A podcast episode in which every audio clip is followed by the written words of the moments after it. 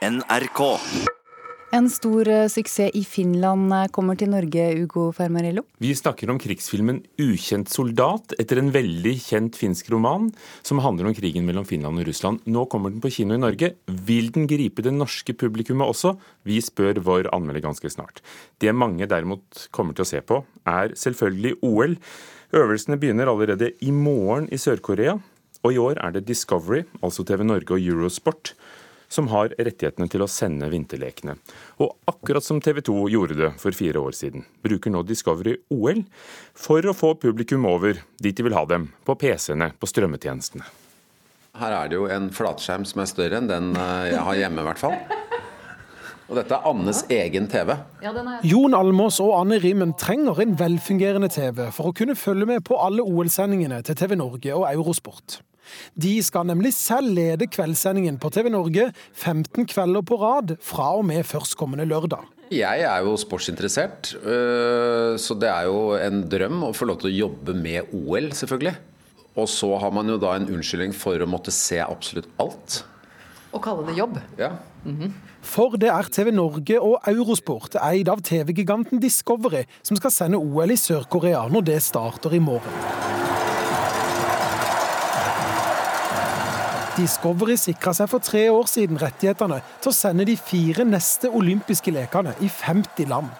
Prislappen 11,4 milliarder norske kroner. Jeg føler at vi har en viss grad av kontroll. Så mye kontroll som vi bør ha. Så er det selvfølgelig noen små ting som gjenstår, men jeg tror det skal gå bra. Det sier en spent kommunikasjonsdirektør i Discovery, Espen Skoland. Vi tror kanskje at dette er det første OL der noen av øvelsene blir sett mer på digitale flater enn på det vanlige, tradisjonelle TV. Eh, og jeg tror nok dette blir det mest digitale OL som har noen gang.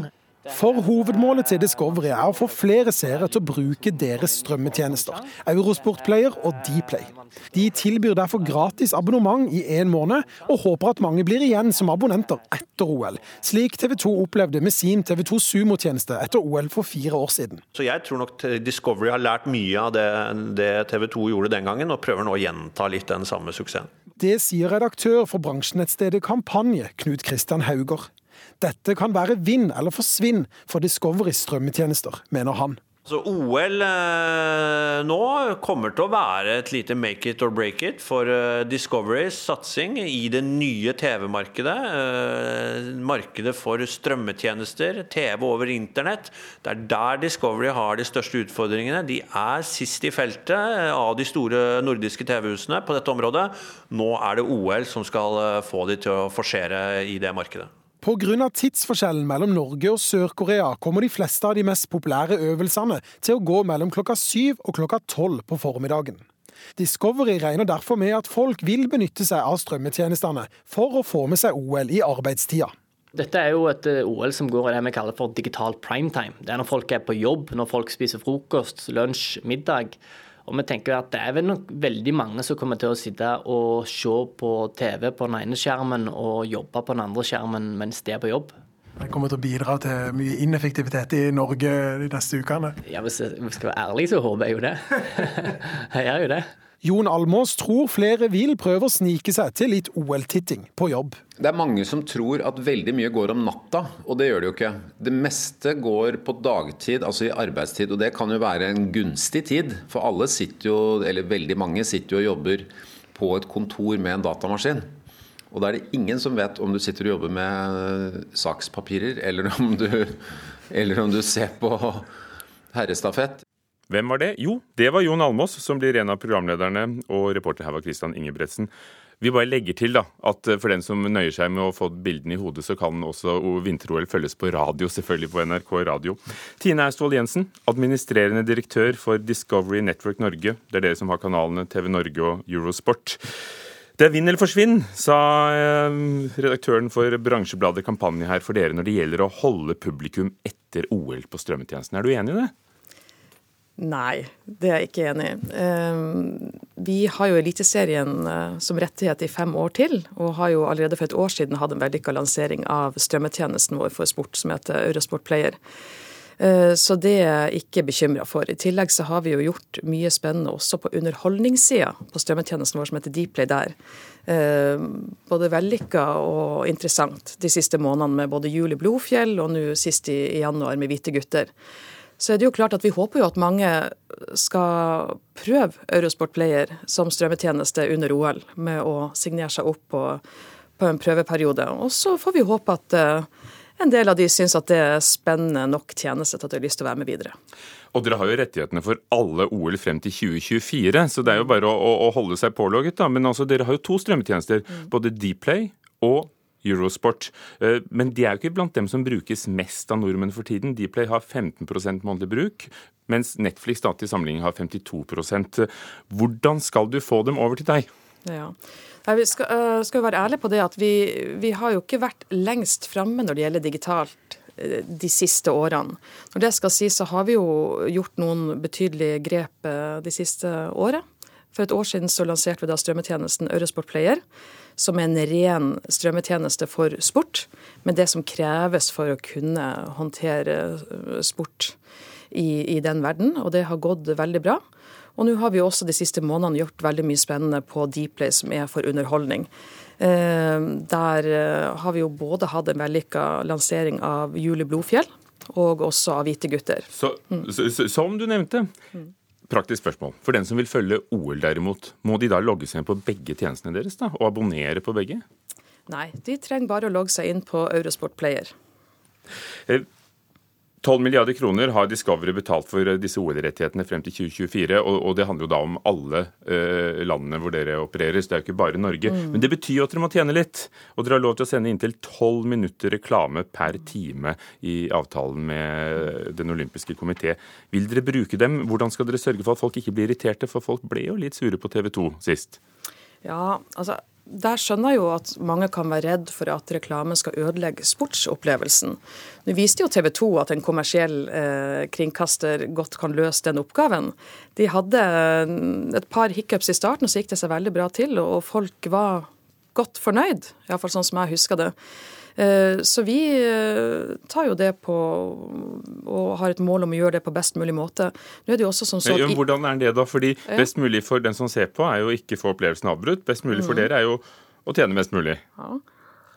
Så det er jo den balansegangen. Ja, jeg tror vi skal få til begge deler. Nå er det sånn så at IOC har jo veldig strenge krav og regler.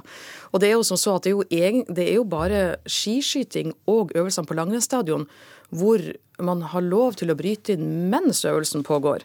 I hopp alpint og sånn så er det jo naturlige avbrudd hvor man da naturlig legger reklame.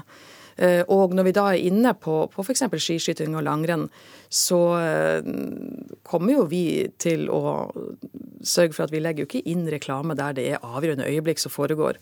Og også så har vi muligheten til å bruke det vi kaller en split screen. Dvs. Si at du kan se reklame på den ene delen i et vindu på skjermen, og så foregår øvelsen i den andre. Sånn at jeg tror nok at vi, vi, skal få til det fint, og vi tar med oss alle erfaringer fra tidligere og, og de gode erfaringene TV 2 gjør. Og så har jo vi folk som uh, har planlagt dette lenge, og som sitter med den fingerspissfølelsen på hvordan man skal lese øvelsen, og hvordan, når det kan passe å legge inn en sånn split screen og ikke. Og også i ruten tar dere med noen erfarne folk, som Jon Almaas som vi hørte her. Anne Rimmen, uh, og flere med dem. Hvordan blir deres OL? Ja. Nå har jo eh, TV 2 og NRK løst den oppgaven fantastisk i, i, i mange år. Eh, så det er jo klart at lista ligger jo høyt. Eh, og så har jo vi et, et, satt også et mål om at vi har jo lyst til å være, minst like gode, vi. Vi ønsker på vår måte å levere det beste OL noensinne. Så jeg tenker at vi vil ikke se at de, de helt store forskjellene i forhold til hvordan vi, vi presenterer liveidretten og sporten og seriøsiteten på det. Vi har med oss et fantastisk lag foran og, og bak kamera der, som jeg tror det norske folk vil, vil sette stor pris på.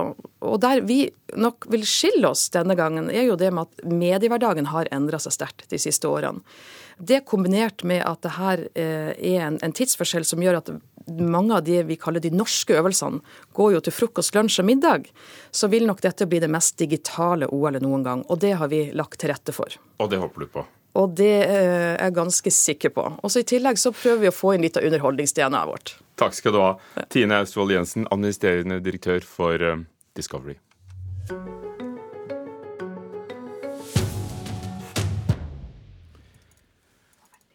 Eh, en norsk skuespiller får altså en rolle i en ny film om Lisbeth Salander, den ikke ukjente rollefiguren som Stig Larsson skapte i sin millenniumstrilogi.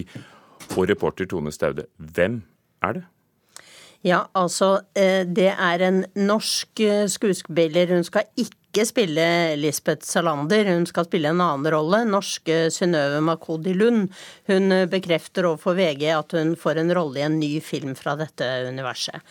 Denne gangen er det en film som bygger på den fjerde boken om eh, Lisbeth Salander, 'Det som ikke dreper oss', skrevet av David Lagerkrantz. Mange hadde et veldig sterkt forhold til millenniumstrilogien. Hvilke problemer er det da for en forfatter som skal, skal følge opp en sånn suksess etter en avdød forfatter?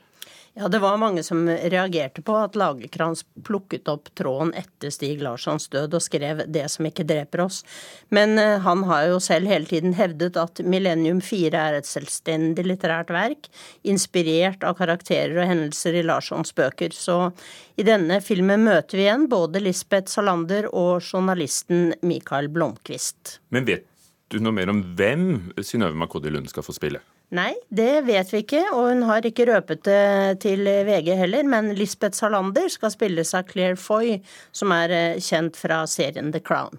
Dronning Elisabeth, altså, som i går hadde sin 66-årsdag etter å ha overtatt tronen fra sin far George George 6. Metoo er et tema i dag også. Ja, for eh, Skuespillerforbundet mottar stadig nye varsler. Henvendelsene er eh, veldig varierte, noe ligger langt tilbake i tid, annet er av nyere dato, sier leder i forbundet Knut Alfsen til Aftenposten i dag. Er alt like alvorlig? Nei, det dreier seg om alt fra sleivete kommentarer til rene overgrep, sier Alfsen. En ringerunde som avisen har tatt til noen av Norges største institusjoner for scenekunst, forteller at det har kommet flere varsler etter kampanjen som het Stille før opptak, det var i november hvor 590 skuespillere skrev under på et opprop, der de fortalte om trakassering, overgrep og skam. Nationaltheatret melder om tre nye trakasseringssaker etter dette. Det Norske Teatret har fått eh, flere varsler om én medarbeider. Og Operaen melder om to varsler om mulig uønsket seksuell oppmerksomhet. Men ikke alle har fått varsler? Nei, det er noen som ikke har fått varsler, og det er Den nasjonale scene. F.eks. Oslo Filharmonien, Hålogaland Teater og Trøndelag Teater.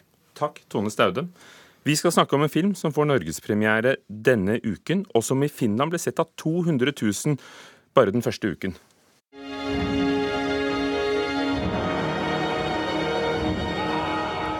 Suomen pojat, tulkaa hakemaan leipää! Tuu sinä hakemaan leipäs päälle voita!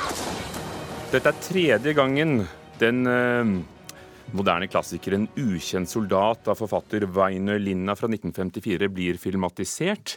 Distributøren har da eh, oversatt eh, den finske tittelen til norsk som 'Unknown Soldier', hvis man ser etter eh, filmen 'Ukjent soldat', altså. Sigurd Vik, filmanmelder i NRK. Det handler om fortsettelseskrigen mellom Finland og Sovjetunionen som foregikk fra 1941 til 1944. Kommer du inn i det? Man kommer absolutt eh, inn i det. Dette er en film som følger et eh, maskingeværkompani eh, tett, og ligger tett på dem fra starten av krigen, da Finland gjør store framrykk inn på sovjetisk territorium, og også da videre mot krigens slutt, da de blir drevet tilbake av sovjetiske styrker og tvunget til en kapitulasjon. Så det er en krigsfilm som er rå og realistisk i tonen, som bruker både de finske skoger og spesielt vinterlandskap til å vise hvor forferdelig brutal krigen kan være. Det er et eh, stort budsjett, det omtales jo som den dyreste finske filmen noensinne, som brukes til å lage en eh, krigsopplevelse som virkelig slår i magen, og som er visuelt imponerende. Um, så er det også en film som tyr til noen klisjeer, og som blir litt sånn patosfylt og, langdrygg i noen sekvenser, for sjøl om det er veldig solid håndverk, så er det jo en del vi har sett før her. Men for dem som er spesielt interessert i krigshistorie, historie og våre naboers nasjonale hukommelse, så er jo det her en film som absolutt bør ses. Kanskje greit at den var klippet ned fra tre timer, som er lengden i Finland, til to timer og et kvarter? Ja, jeg har bare sett den korte versjonen, da, på, eller korte med, i hermetegn her, på to timer og et kvarter. Jeg har sett det omtalt at den er bedre i sin lengste variant, for da får rollegalleriet bedre tid til å puste, og det kan jeg tro litt på, for det er ikke alle rollefigurene som får lov til å komme fram fra sitt skall like godt i denne to timer og 15 minutters lange versjonen. Det er litt ujevnhet i, i rollegalleriet, men øh, det er jo ikke alle som er opptatt av rollegalleri i slike filmer, og det er jo kompaniet eller infanteriet som er hovedpersonen i denne skildringa, og de fungerer godt. Så Sigurd Vik, alt i alt? For de spesielt interesserte, men en god og solid krigsfilm.